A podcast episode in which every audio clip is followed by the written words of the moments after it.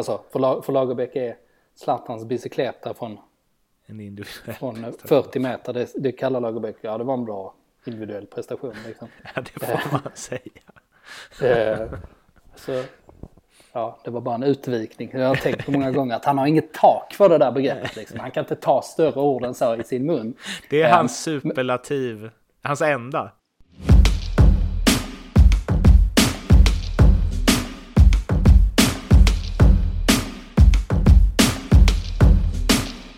Hjärtligt välkomna ska ni vara till eh, Fotboll Stockholms podcast. Mårten Bergman är det som pratar och med mig på andra sidan gränsen, eh, den norska alltså, Oskar Månsson. Tja! Tjena, hur är läget? Läget är bra. Hur är läget med dig? Eh, jo, det är toppen. Mm. Eh, det är, eh, ja, så säger man väl alltid, fullt fokus på, på eh, Stockholmsklubbarna. Mm.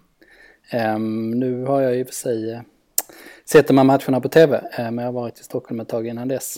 Ehm, men det finns ju en hel del du och jag kan ta upp nu efter den här omgången. Absolut. Först bara VM. Har du sett något?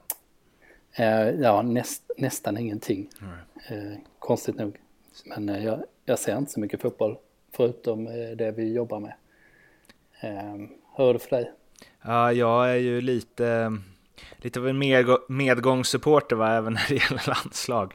Så jag eh, ja, men hakade i där mot Kanada. Eh, fick feeling efter straffräddningen och tänkte att ja, ja, man kan väl se första halvlek av Tysklands matchen i alla fall. För sen lär det ju vara kört. Men så var det ju inte. Så ja, lite fotbollsfeber har jag nog. Ont i halsen och fotbollsfeber. Mm, precis, och Tyskland är ju laget eh, som så aldrig slår, varken på herr eller damsidan. Eh, alla andra lag, kanske Brasilien är hopplösa också, men annars känns det ju som att alla andra lag är möjliga Mm. att spöa på något sätt liksom. Men, men Tyskland det känns ju bara kört. Så eh, Ja, det var stort. ja, verkligen. Eh, Men innan vi, vi pratar mer fotboll så ska vi tacka vår sponsor NordicBet som också har en podcast, det kanske ni vet vad det här laget, den heter Ljugarbänken, jag är med i den också, och vid min sida där är det Mattias Lindström som hänger löst i Eskils minne. Ja, han, han vill Jaha, jag tror du menar i podden. ja, ja, det har han gjort i tre år, men han kravlar sig kvar. Eh, och sen så är Lasse Nilsson då, då Norrbys framtida sportchef, Monne. Eh, så där finns det massa härligt fotbollssnack också. Om ni vill eh, lyssna på den så finns den där poddar finns. Och vi är glada att NordicBet är med oss på Fotboll Stockholm. Men eh, Lin- Lindström hänger löst alltså i eh, Eskilsminne. ja, men du vet, de ligger på nedflyttning va? Ja, jag har sett det. Det- Efter eh, ku- kuppen, det var ju gott där. När Jag var ute de pressade Hammarby bland annat och så. Ja, jag var ute och käkade med dem. Jag var i, hade en semestervecka när jag var nere i Malmö och Helsingborg nu. Och var ute och käkade med Edman och eh, Lindström och Chris Andersson faktiskt. Eh, och eh, Edman är ju någon form av extra resurs i Eskilsminne. Jag vet inte, han är typ på en träning i veckan eller något. Eh, och han var ju snabb att påpeka att han har varit med på tre matcher i år och eh, totalt sju poäng på de tre. Right. Så, eh, eh, vad, Så det är Edman som Vad- vill ta över vad är- vad det lider. vad är det man brukar Det säga? kanske han som, Ersättaren finns i truppen. just det. Eh, men Lindström kör ju på hårt på sitt mantra alla bra tränare har fått sparken två gånger. Okej. Nej, Och han har inte fått sparken Någon gång tidigare hittills. va? Nej, Ja, okej. Så han jobbar in den nu. Det är bättre att få Ja. det på låg nivå kanske. Precis, och sen efter det ska ni ta över Ängelholm eh, i något sånt här Ja, eh, det. liksom eh, ja, konstigt läge som det alltid är i Ängelholm. Och så ska han få kicken där efter fyra månader. Sen, sen kan det börja hända grejer alltså. Alltså vi ska ju verkligen inte eh, fastna för länge i det här, men det där är intressant. Alltså Jocke Persson har ju Ja. skördat stora framgångar med Varberg nu. Eh, Och jag har inte sett så mycket av Varberg i år, ungefär noll minuter. Men jag pratade mycket om det på den där middagen. Eh, De gillar honom allihopa. Och, så, och jag var lite så här, spelar de någon form av tiki-taka light? Eh, och det tyckte de att de gjorde, att de spelade väldigt rolig fotboll och alla tre tror jag, Lindström definitivt, hade ju tippat Varberg sist inför mm. i år och det tror jag, jag tror de var tippade sist på upptaktsträffen också. Ja, ja det är intressant. Uh, um, och, och Jocke eh, Persson uh, hade ju stora framgångar med Ängelholm också. Han är väl den enda som har haft det. Ja, han hade det. Um, och han rätade ju gallfeber på uh, Hammarby varje gång han var i Ängelholm i Stockholm. Av olika anledningar. Dels att de spelade och dels att de gjorde bra ifrån sig under, ja samtidigt som Hammarby var ju rätt hopplösa länge. Men sen brukar han alltid rätta upp folk på presskonferensen och sådär också. Um, så på så sätt hade det varit kul om de går upp i allsvenskan när man får ett återseende där. Uh jag har ju lite svårt att säga att Varberg ska kunna hota Hammarby nu, nu för tiden med tanke på statusen på, klubb, på eh, klubben, eh, ja, så som det ser ut idag. Men man ser ju fram emot det i vart fall, eller hur? Verkligen, och vi, eh, vi snackade lite om det där för att både Lindström och Lasse trodde att eh, de kommer rasa nu Varberg, att det kommer vara fritt fall. Eh, och så fick vi från NordicBet så räknade de ut oddset på att Varberg går upp, tror jag det var. Och det var oerhört lågt. Ja, jag kan tänka mig det. Alltså för typ 1,17 eller något. Ja. Eh, och, och, och, det var inte bara, vi, vi fick inte bara oddset utan vi fick liksom hela förklaringen bakom. Så här, så här många poäng måste de tappa, så här många förluster måste de åka på. Och sen, för det kluriga med den där serien i år är ju att alla lag, det är ganska jämnt under va? Ja precis, jag tog fram den här. Varberg alltså 33 poäng. Och tvåa i serien ligger i Mjällby på 25. Alltså de har 8 poängs försprång till tvåa. Mm.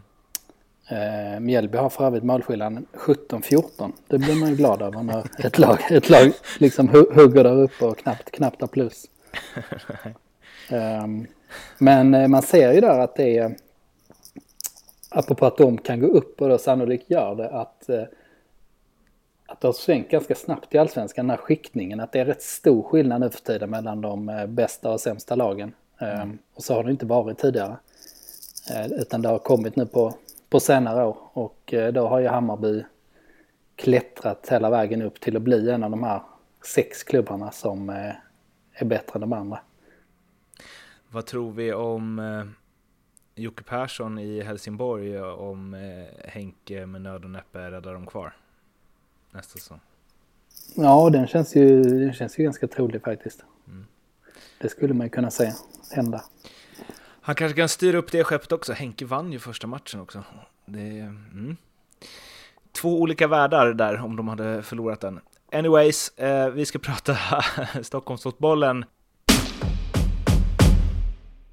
Men innan vi pratar matcherna så hade ju vi i senaste avsnittet en intervju med polisforskare Stefan Holgersson och man kan väl säga att den mottogs eh, väl av våra lyssnare.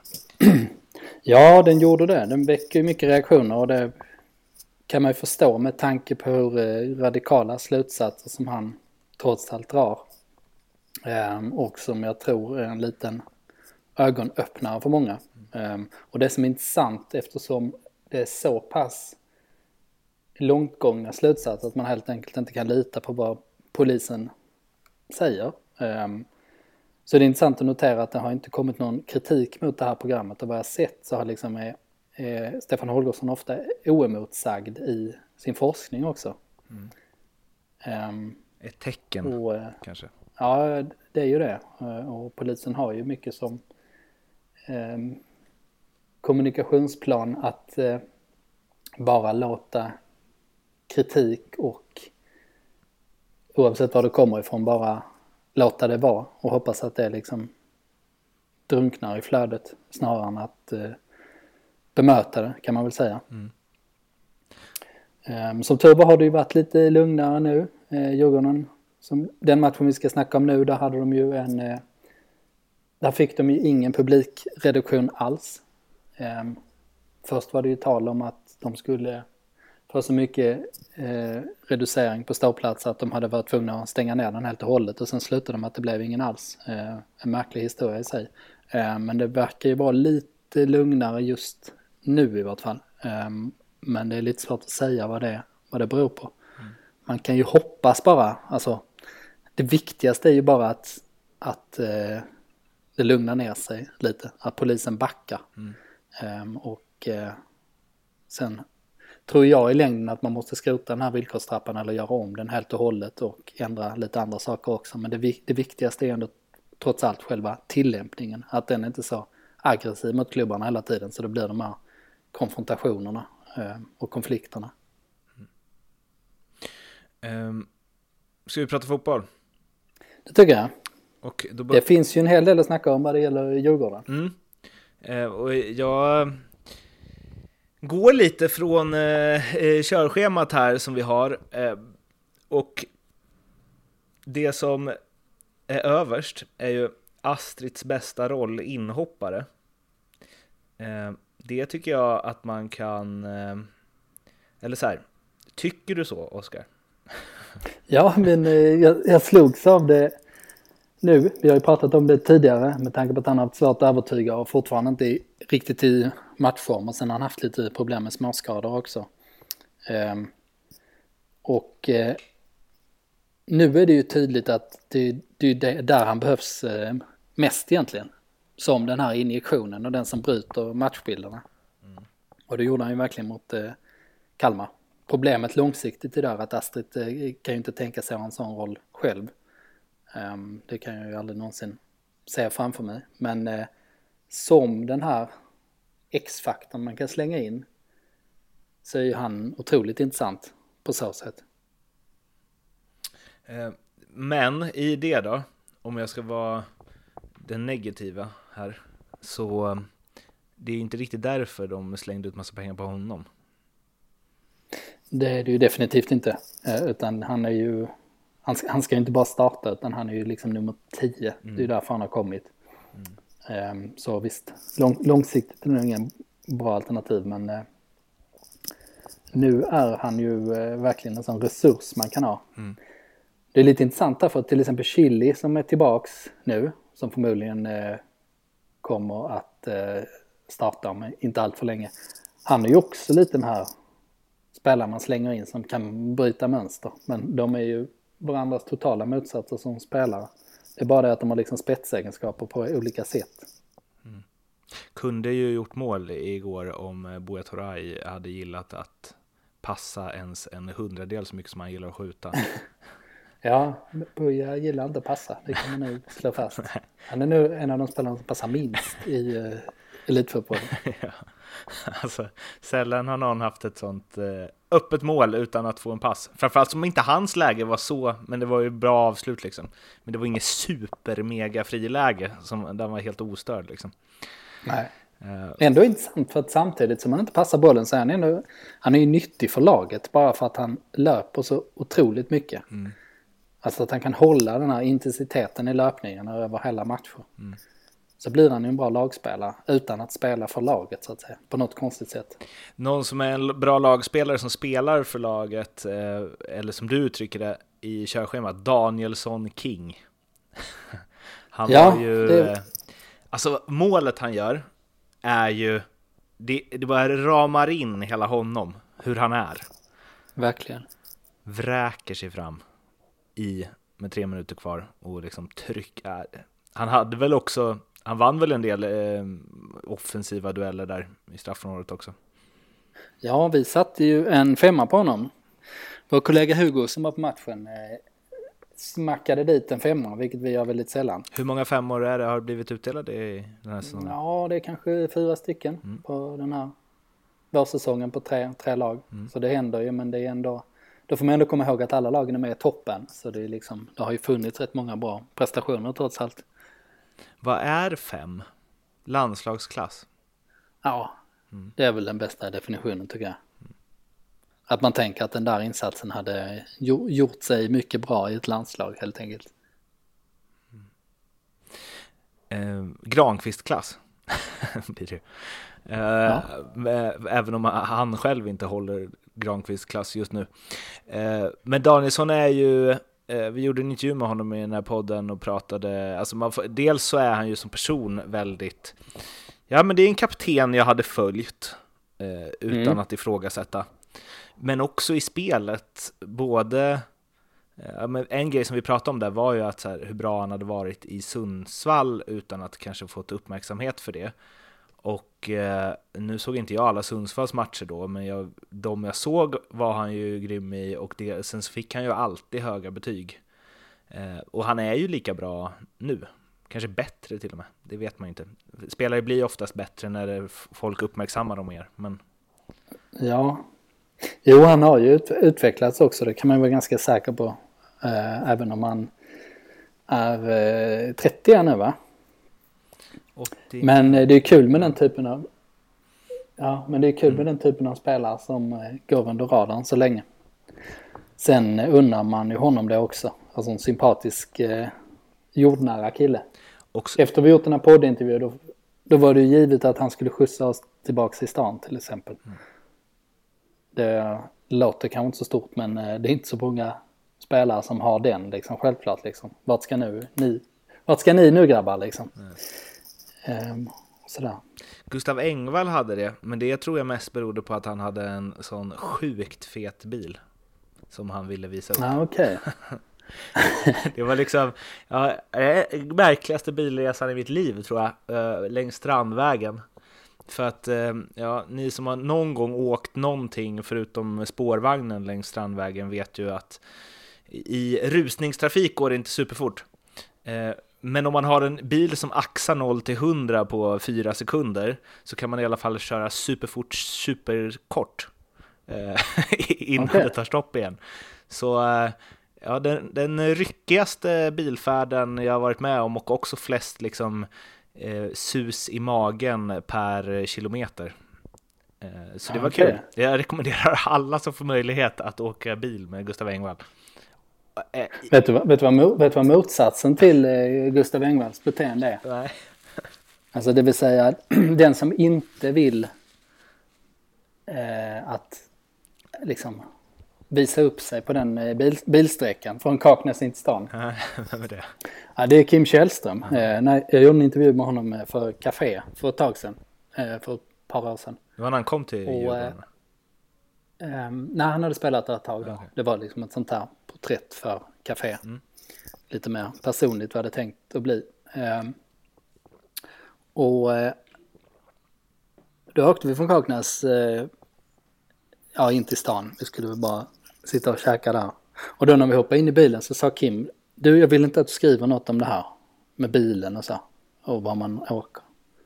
Mm. Och, Och det var lite konstigt tyckte jag, men då var det, alltså, han, han ville liksom inte att man skulle gestalta det på något sätt. Att man... Mm. Det var, det var någon, någonting som hade med integriteten att göra där som jag inte riktigt fattade. Vadå, att det var en svindyr bil? Mm, ja, det var det väl. Ja, men det var ingen lyxbil sådär liksom. Okay. Det var väl en eh, ordentlig Volkswagen SUV eller mm. något sånt där. Mm. Ja, men det var, det var gränserna var viktigt där på något sätt. Han kanske hade fått den från Qatar. Ja, kan vara så. Obs! Skoj! För, för, eh, ja, eller inte. Eh, för, för, för, det var lite konstigt, för den bilresan det var inte så jävla mycket att porträttera liksom. Mm. Det var ju liksom en, en vanlig bil så att säga och en, en ganska odramatisk liten, nu åker vi till restaurangen och käkar lunch. Medan här var ju det, med just Gustav Engvalls fall, han, det var ändå en oerhört frispråkig intervju, men bilen var ju det, absolut det enda jag kommer ihåg från den intervjun. Den var ju, det var värt det på alla sätt och vis, jag förstår att han betedde sig som han gjorde, och hade jag varit 20 och haft en sån bil eh, och körkort så hade jag också betett mig så, kanske. Så ingen skugga ska falla över Gustav Engvall. Det var en rolig bilfärd, helt enkelt. Ja, Eh, var, var var vi någonstans? Eh, ja men eh, Djurgården i stort då. Eh, och det här tycker jag är intressant. För eh, du har ju skrivit att eh, varför tar ingen Djurgården på allvar, inte ens supportrarna? Trots att de är... Eh, ja, det väntar ju en seriefinal mot MFF om två matcher. Och det är ju så. Förmodligen. De, de ska vinna mot AFC först, vilket jag mm. tror de gör. För det är ju det de är allra bäst på, att vinna sådana matcher. Um, och sen är det ju en, precis som du sa, sen är det ju en seriefinal mot Malmö. Mm. Eh, och eh, att ingen tar Djurgården på allvar, inte ens supportrarna, det är en liten eh, hårdragning där såklart. Men det har inte varit någon hype kring laget på hela vårsäsongen. Eh, och det är ju derb derbytorskarna som överskuggar så mycket. Så det känns som att många, de sätter inte värde på liksom de här enkla segrarna. Att det är en torsk i derbyt och sen när man vinner två enkla matcher efter det, då är det liksom... Då har det ändå inte riktigt vägt upp totalintrycket. Ja, jag tycker det är konstigt, för jag måste säga att så är min känsla också. Att, mm. här, att det här kommer... Det kommer komma några förluster snart. men jag vet inte varför jag känner så, men jag gör det. Att mm. Djurgården kommer... De kommer, det, det, kommer bara inte hålla, men som du säger, de är ju väldigt bra på att slå de här eller vinna de matcher de ska vinna. Och det är väl annars så som man räknar bort eh, guldutmanare när de börjar mm. förlora matcher de ska vinna. AIK hemma mot Norrköping till exempel. Ja, alltså och grejen är nu om de slår AFC och vi säger att de skulle förlora mot Malmö, vilket inte alls är nödvändigt att de gör det såklart. Men om de skulle göra det då, då eh, stämplar de ändå ut den första halvan av säsongen på 30 eh, poäng. Mm. Och, sex, och 60 poäng vinner man ju ofta allsvenskan på. Mm. Konstigt att det inte är någon hype. alltså, de borde väntat på det här, kan man ju tycka. Ja, man tycker det. Å andra sidan känns det som just med supportrarna att när Djurgården väl bestämmer sig så blir det en jävla hype. Alltså som förra året när de skulle ut i Europa till exempel. Mm. Um, och de hade tusen pers som tog sig till Odessa uh, mitt mellan två allsvenska matcher. Um, eller de här säsongsavslutningarna har gått riktigt bra. Um, och de har haft uh, jävligt starkt följe på bortaplan till exempel. Mm. Så det känns lite som att det, det kommer nog smälla till mm. snart. Även vad det gäller den här liksom, större hysterin. Den matchen mot Malmö blir ju något. Ja, de har inte, alltså de har inte, vad det gäller seriespel så har Djurgården, de har inte spelat den typen av matcher på hur länge som helst. Nej, guld. Det måste ju liksom vara, Åren. precis, det måste ju vara tillbaks där någon gång, 2005 kanske. Sedan Djurgården spelade den här typen av matcher. Och då blir nästan den här ännu tyngre, eftersom det var så ja. länge sedan. Innan vi hoppar vidare till Bayern så får vi väl då konstatera då att eh, med eh, så här långt i alla fall så gjorde ju både Henrik Berggren och eh, Bosse rätt som valde att segla vidare på det här skeppet. Ja, verkligen. Man kan ju tänka sig att de hade nog suttit och varit ganska bittra om de hade suttit på SEF respektive mycket oklart eh, vid, vid, det här läget, vid det här laget. Ja. Eh, så eh, med de orden vidare till Bayerns eh, match. Hammarby som gästade hissingen och där åkte på en 2-0 torsk mot Häcken. Och eh, det var en del domslut i den här matchen som eh, ja, jag är inget superfan att sitta och eh, grotta i sånt, men jag tr tror inte det kommer bli så mycket grottande faktiskt. För jag tror att vi kommer vara ganska överens. Ja, är det så? Eh, men, men, men, du kan ju börja och sen så kan jag bara umma eller ryta ifrån om jag tycker att det krävs. ja, um, Ja, nej, jag är inte så, eh, jag vill helst inte lägga fokus på, på domarna onödan, men eh, jag tycker heller inte att man ska vara ängslig för att titta på vad det handlar om eh, när det är så här avgörande beslut. Så att, så att där, där, där står jag i, det finns ju två läger som, som alltid möts i de här debatterna, jag står någonstans i mitten. Mm. Du står över dem? ja, exakt, Hög, högt, högt över. ja. Um, Den första var väl vid 1-0 målet där, där Paulinho puffade till Mats Solheim va? Yes. Och sen eh, la bollen till Nasiro Mohammed som sköt eh, 1-0. Eh, och det där är ju, jag såg att du, när du twittrade om det så fick du lite mothugg av någon som tyckte att det här är mjäkigt eh, och ska fotbollen se ut sådär att man inte ens får gå in i närkamper och bla bla bla. Och eh, jag eh, står över er båda där, i den, den frågan skulle jag säga. För att jag fattar vad han menar, sen eh, har ju personen fel. För att det är ju en putt i ryggen. Och det där är ju alltid, nu börjar jag ändå fast jag sa att du skulle börja, men det är, ja, ju, all, det är ju alltid eh, fri, det, eller framförallt så här, det där är alltid frispark. Därför ska det vara frispark. Sen kan man tycka vad som helst om att man inte får sätta en liten nätt axel lite, lite, lite bakom den andra spelarens axel, det vill säga i övergången axelrygg eh, och den spelaren måste ramla, för det är klart att Solheim kan stå upp där utan problem. Men eftersom det var ett frispark i, eh, eller eftersom det är frispark i 999 av 1000 fall så är det ju så att det borde varit frispark där också. Mm.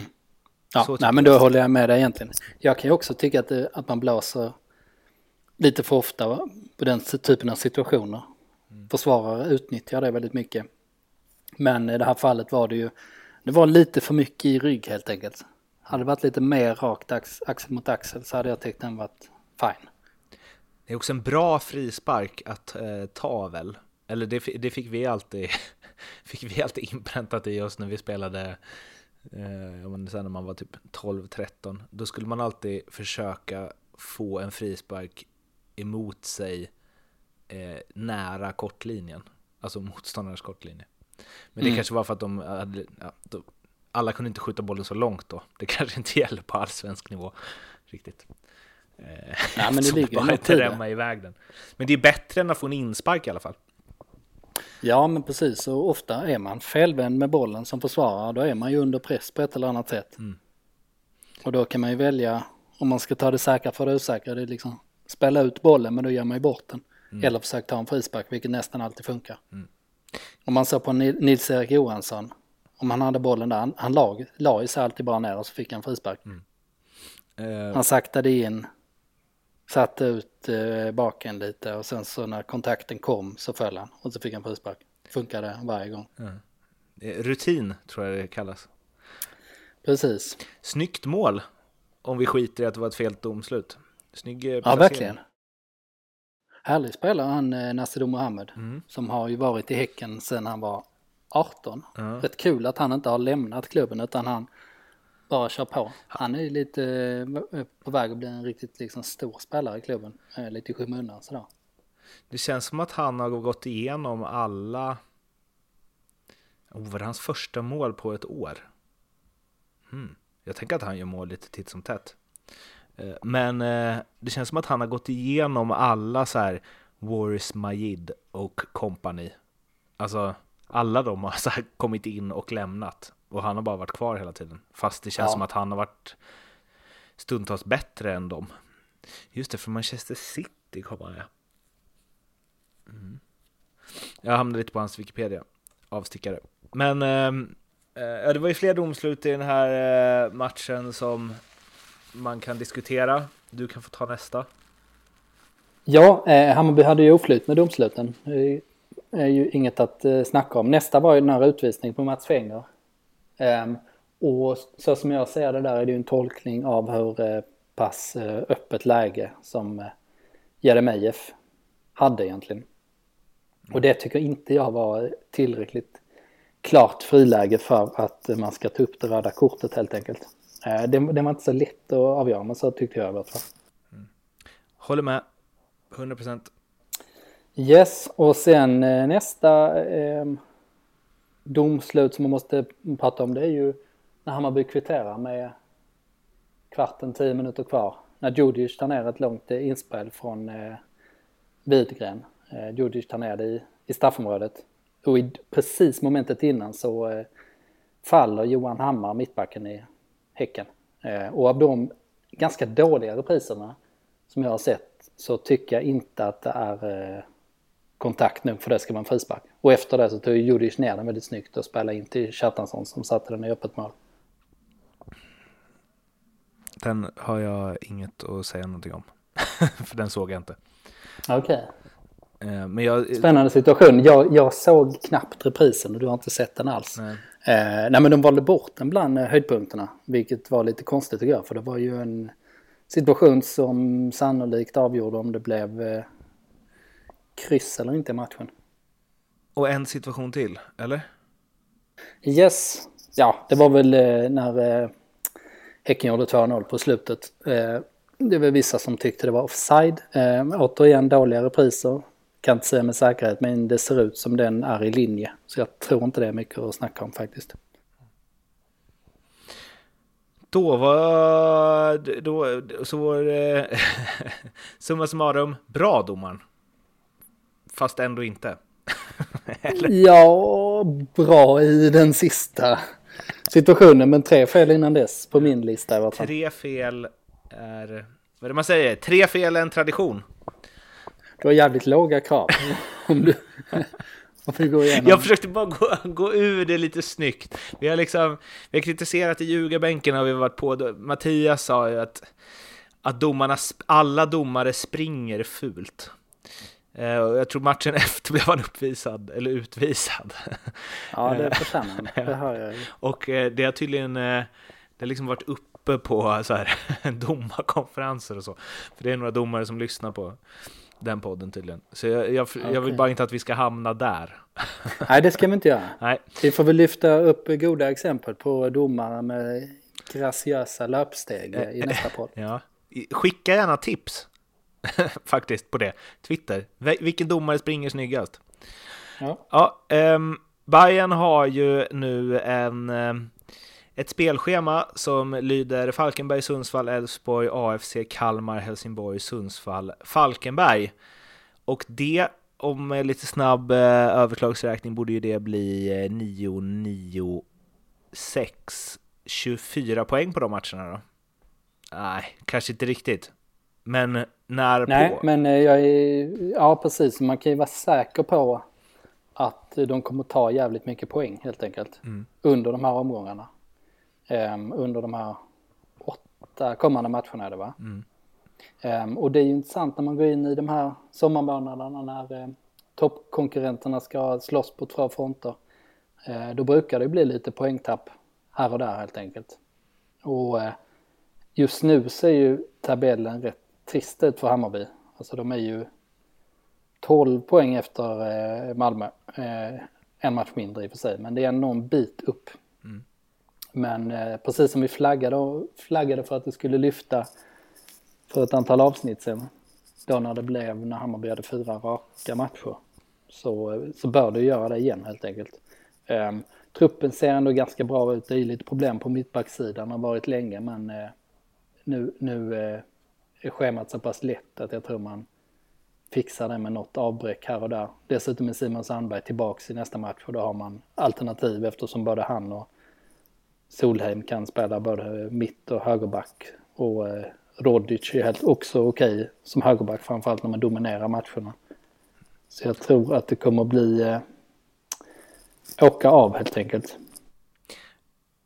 Du, eh, som du var inne på, så sist sa du ju att eh det skulle bli fyra raka, eller var det tre raka? Fyra raka? Precis, vi sa väl tre raka, det fick vi in. Men det var, men, men eh, det var i fyra raka sviten totalt, ja. så de hade vunnit en redan innan tror jag. Så hur många poäng blir det på de här åtta matcherna? Ja, vad ska vi...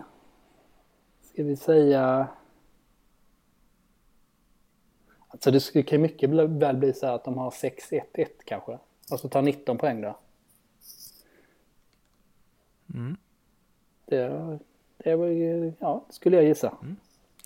Vad säger du? Plus eller minus? Kanske de kommer... Kanske de kommer börja kämpa. Äh, minus. Mm. Jag tror det blir... Det ska regna mycket framöver och så. Jag tror inte det ja, passar bara. SMHI-analys. ja. ja, men jag tror, det är en dyster sommar, det känns som att det, det kommer, ja, det passar inte Bayern. Det kommer inte bli så, man kan ju se liksom Elfsborg, Sundsvall, det är också ett lag som måste rycka upp sig, alla de möter. Och eh, ja, ja, ja mm, jag tror på mindre. Jag tror inte det blir så, mm. så glatt. Eh, en grej som, får jag bara, får jag helt gå tillbaka bara jättefort till Djurgården? Matchen. Eh, Lukas Hägg Johansson. Mm. Jävlar vad han har varit bra i många matcher i år. Och i den Ja. här var han ju fantastisk. Har han fått smeknamnet Lukas Vägg Johansson eller? Om han inte har fått det skulle jag vara oerhört förvånad. Eh, men eh, han är ju alltså bara... det, borde jobba in det själv om inte annat. ja. eh, på tröjan kanske. Vägg Mm. bara. Han är alltså bara 24, 24 bast. Där kan man ju se att eh, eh, är inte han från Malmö va? Husie, precis. Man kan ju se att han Ehm, ja, hamnar i MFF någon gång Just det. framöver. Helt klart. Ja. Eh, Ja. ja. jag vill bara säga det, att han var superduper bra i den matchen. Och AIK förlorade ju hemma mot Norrköping 2-0 i den första av guldstridspositioneringsmatcherna. Och sen så 0-0 mot eh, Malmö. Två hemmamatcher, en poäng. Och det var väl den guldstriden, säger jag på ett kvällstidningskt sätt. ja, kanske det. Eller? Så som jag ser det så är det ju, handlar det ju om Malmö. Om de gör sitt jobb, fortsätter på den, med den själv, självklarheten som de har, ehm, så är det nog kört för AIK ehm, och alla andra. Men å andra sidan är liksom, alltså man har ju 16 matcher kvar att spela och det är 6 poäng. Jag är, jag är inte så mycket för att göra den typen av liksom, prognoser för jag tycker nästan alltid de blir fel. Men, men om AIK... Alltså jag tror mer jag, ta, jag tänker det för att så här, ett lag som vinner guld har inte en poäng på två sådana matcher på hemmaplan i rad. Alltså, det säger ju något om Gnaget också. Ehm, ja, självklart. Det är ju nog sällan man tar en poäng på två hemmamatcher så tajt man ska vinna. Visst, men det, men det känns som det där kan man ju eh, Vända vidare vä- vända vidare på precis hur som helst. Liksom. Eh, var och när man tar sina poäng. Men just mot Ehm. Norrköping, att, alltså, som inte har varit så bra ju. Och som inte har varit det laget. Och AIK tryckte ju på i första. Och sen så två, får man... Eller så här, är det bra mål av Norrköping eller är det dåligt eh, försvarsspel av eh, AIK? För Norrköping har också varit dåliga på fasta situationer i år. Mm. Ja, nej, jag är mer inne på att det var bra av Norrköping. Alltså den första nicken där av Nyman Mm, ganska snygg. eh, är ju, eh, det skulle jag... li- Eh, vad sa du? Ja, ganska snygg. Ja, alltså den är ju så pass bra som man skulle kunna kalla det. Liksom. Alltså du, när, när en spelare gör något sånt här fantastiskt nummer på egen hand. Mm.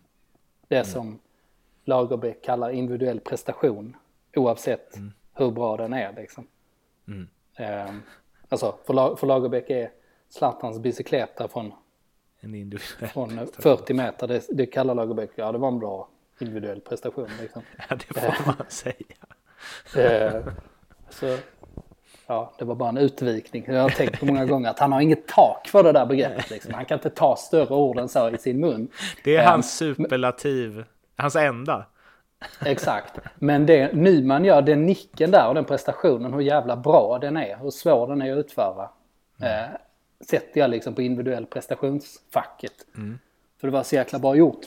Eh, och den matchen mot slutet där var det ju burop och efteråt var det ju liksom avgå och sånt där på, eh, ja, på forum och sociala medier. Vissa som sa det och det var ju givetvis bara en liten del men ändå bara att, att eh, folk reagerar på det sättet. Det var ju att det kändes nog för många supportrar att det här var en riktig, sån, riktig jävla skitmatch liksom.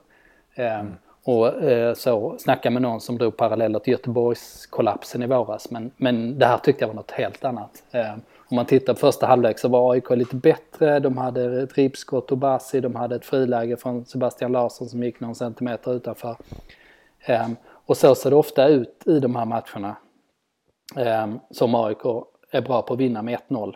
Och sen så kom den där nicken, den individuella prestationen mot.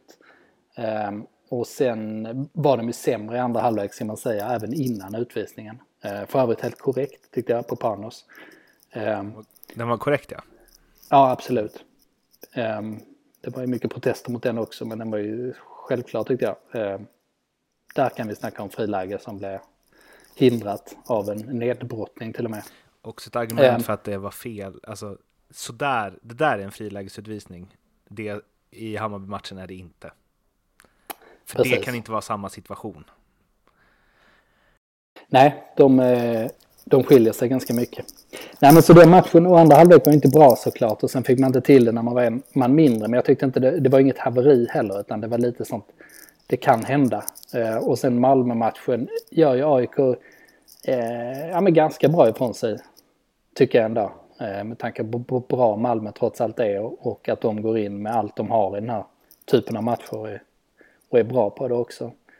Så jag vill ju inte på något sätt eh, liksom skriva av AIK eller ändra analysen på de, på de här matcherna. Um, men däremot är det en jävligt lurig period de går in med nu. När det är inte bara att de ska spela på två fronter utan även att de satsar så extremt hårt på Europa. De har ju fått en fantastisk lottning måste man säga. Uh, och eftersom de har fått den så ska de ju verkligen gå all in på att försöka ta sig till ett gruppspel. För det kan göra så stor skillnad i, i längden. Men det kan ju komma in eh, nyförvärv. Lustig gick de bet på. Eh, en annan det ryktas om är ju FC Köpenhamns backen. Vad heter han? Sotiris Papagiannopoulos. Han heter bara, han heter bara Sotte. Han heter bara Sotte. Ja. Soatte. Nej, mm. förlåt. Fortsätt. Ja, men det blir inget, eller vad säger du? Nej, jag tror inte det. Eh, jag tror FCKs prislapp är för hög. Och jag tror AIK är inte beredda att betala mer än ett par miljoner för honom i övergångssumma. Eh, och eh, FCK vill ju inte satsa på honom och då brukar spelare i den kategorin automa automatiskt bli billiga. Då sjunker marknadsvärdet eftersom då vet de köpande klubbarna att de inte har någon användning för honom och att han själv inte vill vara kvar. Eh, men eftersom FCK har så, har så bra ekonomi så eh, så behåller de hellre om de inte får en bra slant. Så det verkar vara lite dödläge där just nu faktiskt. Men det hade ju varit eh, en väldigt bra värvning såklart. Eh, med Sotte som har AIK som moderklubb och sen då hade fyllt den här platsen till höger i, i mittbackslinjen som eh, ja, hade sett hur bra ut som helst i så fall. Sen har de ju haft 100 000 anfallare nu under våren. Eh, två av dem, Obasi och Henok, de eh, kämpar på med eh, målskyttet. Ja, det får man säga. Och det oroar såklart. Nu tycker jag Obasis har sett lite bättre ut på slutet. Eh, och eh, han har haft lite otur att det inte lossnat. Det blir ett borttänt mål nu senast. Eh, men ja, den oroar såklart. Det, det, jag vet inte riktigt vem som, eller så här, det går ju inte att bara Elionossi ska gjort. Nej, det gör inte det. Um, och uh, särskilt när Elionossi spelar som pocket så behöver man ju att minst en av uh, anfallarna börjar producera. Uh, för AIK har inga, de har inga yttrar som gör mål heller eftersom deras yttrar är mer ytterbackar helt enkelt. Så uh, ja, de, de måste ju bara komma igång. Ännu kom igång väldigt bra förra, förra sommaren så i den bästa världen så händer det igen. Är det Sundgren som har gjort näst flest? Ja, det tror jag. Och sen Seb på två. Ja. mm. Eller alltså vänta nu. Är det bara... Nej. Obasi gjort ett, Lane ett, Sung, Sundgren tre, Larsson två. Det är ingen... Nej, ingen superspridning. Nej, verkligen inte. Uh, men... Uh, om Sotte kunde varit en spelare in i Gnaget så är det ju en eh, som eh, har försvunnit eh, till Manchester United. Juan Guadagno. är det, var det godkänt uttal? Jag vet inte. Nej. han försvann ju för sig. Eh, nu, nu var han försvunnit till United, men han försvann ju häromåret till Brommapojkarna. En ungdomsspelare, jag tror han är 16 eller möjligtvis fullt 17. Mm. Eh, men det är i alla fall en stor målvaktstalang vi snackar om. Mm. Som har samma bakgrund som Som Samuel, Samuel Brolin Brolin. och Oskar Linnér. Ja, i stort sett. Eh, och eh, nu kommer vi in på favoritmomentet hela podden. Det är egentligen det här vi väntat på, eller hur? Ja, Det, absolut. det, var, det var bara en enda lång transportsträcka. Jo, nej, men de här tre målvakterna kommer från Stocksund allihopa. Um, Oskar Linnér har i sig uh, Djursholm som moderklubben. Han är uppväxt i Stocksund. Så då råkade det finnas tre målvakter mellan 16 och 22 som alla har varit i AIK och som alla är jättetalanger uppenbarligen. Ehm, och då blev jag ju sugen på att lista de bästa bondklubbarna jag skrivit. Det kanske i och för sig synd att kalla Stocksund för bon, bondklubb liksom. Det är väl själva motsatsen till, till eh, det begreppet i och för sig. Det är väl eh, över, överklassens överklassklubb, är det inte det? Men bönder kan väl ibland vara samma sak som överklass i och för sig. Det känns som det är många bönder som har mycket pengar. Bara att vi inte vet om det. Ja, eller ja, du som kommer från Stockholm vet inte om den. Det är sant. Nej, exakt. Dessutom är definitionen, definitionen för många stockholmare är definitionen av en bonde är ju person född utanför Stockholm också. Mm. Du till exempel. Ja, jag och åtta miljoner andra svenskar. Ja. Inte jag. Ja, kom igen nu. Lista dina bondklubbar. yes, eh, hedersomnämnande IFK Stockholm, bara för att vara inne på målvakter. Magnus Hedman och Eddie Gustafsson har börjat i IFK Stockholm, som är långt ner i seriesystemet någonstans. Eh, ytterligare hedersomnämnande, men som, som jag tycker är lite för bra. För det är ju en bondklubb, men, de, men jag vill ju ha dem långt ner i divisionerna. Eh, Högaborg får man ju nämna här. Två Kalili, två, två eh, Larsson, en senior och en junior. Två Olsson, det vill säga Martin och Marcus. Som gled in på samma restaurang som jag käkade på med Edman och Lindström. I träningsoverall. All right. Det var Helsingborgs finaste restaurang.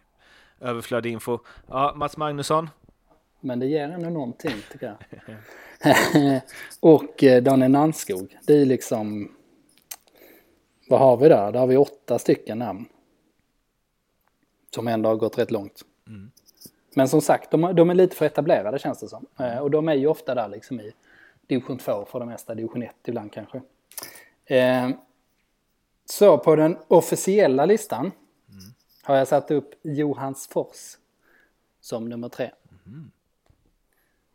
Berätta. De- För de har, eh, det är ju en bondklubb utav för Guds nåde. Småländsk bondklubb och där har de ju eh, tre, spe, tre spelare som blir bra. De heter Elm allihopa. Snyggt. Så, så då, Det- eh, då, kan, då kanske man tappar lite av det här fenomenet. Det här vill säga, hur kan alla de här komma från det här stället? Ja, de är brorsor liksom. Men Mm. Det är eh, lite som så här, hur kan både Daniel och Henrik Sedin vinna poängligan i NHL? Fast de är uppväxta på samma gata. Ja, precis. För att de har exakt samma gener nästan. Eh, Ja. ja. ja, men okej. ja. De är ju Mm. given etta på bondklubbar s- med flest bröder som lyckas. Lyckats. Det får man nog säga. Eh, andra plats, IK Franke. Okej, får jag testa här? Ja, Mm. Eh, Lindelöf. yes. Eh, han eh, Lindell. Findell menar jag förstås. Yes, Hampus Findell. Och. Evelina antar jag. Japp, Oh. också Djurgården. Mm. Eh. Åh, typ mjäll... Nej. Eh. Vem kommer från Västerås? Västerås. Ka- Kalle Håll? Nej, det är inte det heller. Micke Luss? Nej, det är Sundsvall. Ja, vi har två stycken gamla eh, 90-tals Rö- landslagsspelare här.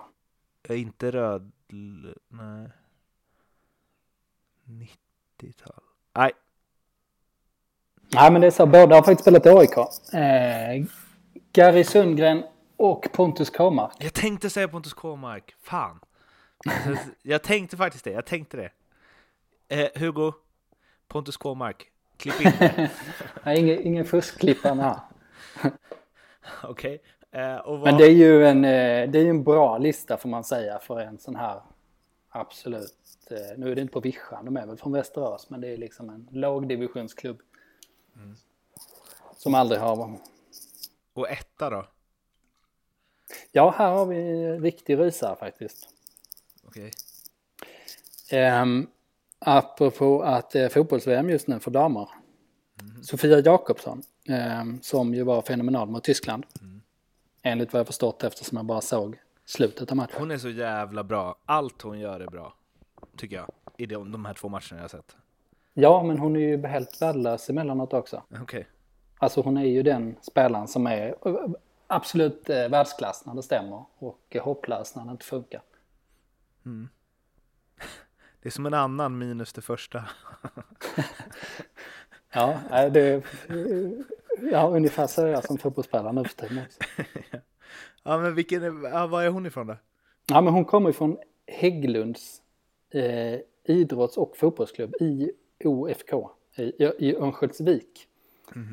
Eh, men hon är ju där på världsnivå. Eh, och i Hägglunds IFK kommer också Malin Moström och Frida Östberg ifrån. Och de har ju definitivt varit bland världens bästa spelare och vunnit eh, diamantbollen och så. Jag, jag har aldrig hört talas om den klubben. Nej, alltså jag kollar nu, jag har försökt kolla upp lite. Det verkar som att de, de jag tror inte de hade ett damlag ens nu för tiden. Okej. Ska de ha... Jag kan ha fel, men jag, jag ja precis. Jag eh, kan ha fel, men jag hittar inget om det. Nej. Ehm, Vad sa du att de hette?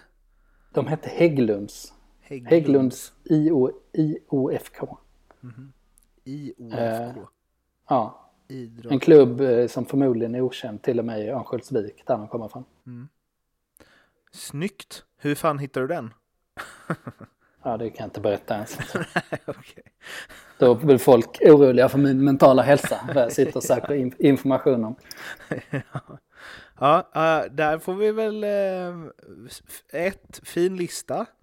Eh, och sen så vill vi väl uppmana våra lyssnare att eh, fylla på. Ja, verkligen. Det här, det här, där finns det inget slut på. Och man kan, ändra, man kan ändra lite på definitionerna också. Ja, men fyll gärna på ovanifrån så att din etta kommer sluta som femma. För det hade Ja, varit kul det. om det finns massa klubbar där som har fostrat spelare och som man aldrig hört talas om. Mm. Men eh, då, om den ska petta ner Hägglunds, då ska det ju vara tre världsklasspelare från en klubb som knappt exister, existerar. Ehm, Ska vi, säga, ska vi säga att världen är arbetsfältet? ja, det tycker jag. Ja, för annars kanske det blir för... Det måste, det måste finnas någon på Island, tänker jag. Alltså så här, som har fått fram... De har i och för sig inte haft tre världsklasspelare. Men det känns... Ja, Nej. nej, det kanske inte finns någon på Island. Skitsamma, vi, vi måste börja runda av, för snart har vi snackat i 60 minuter.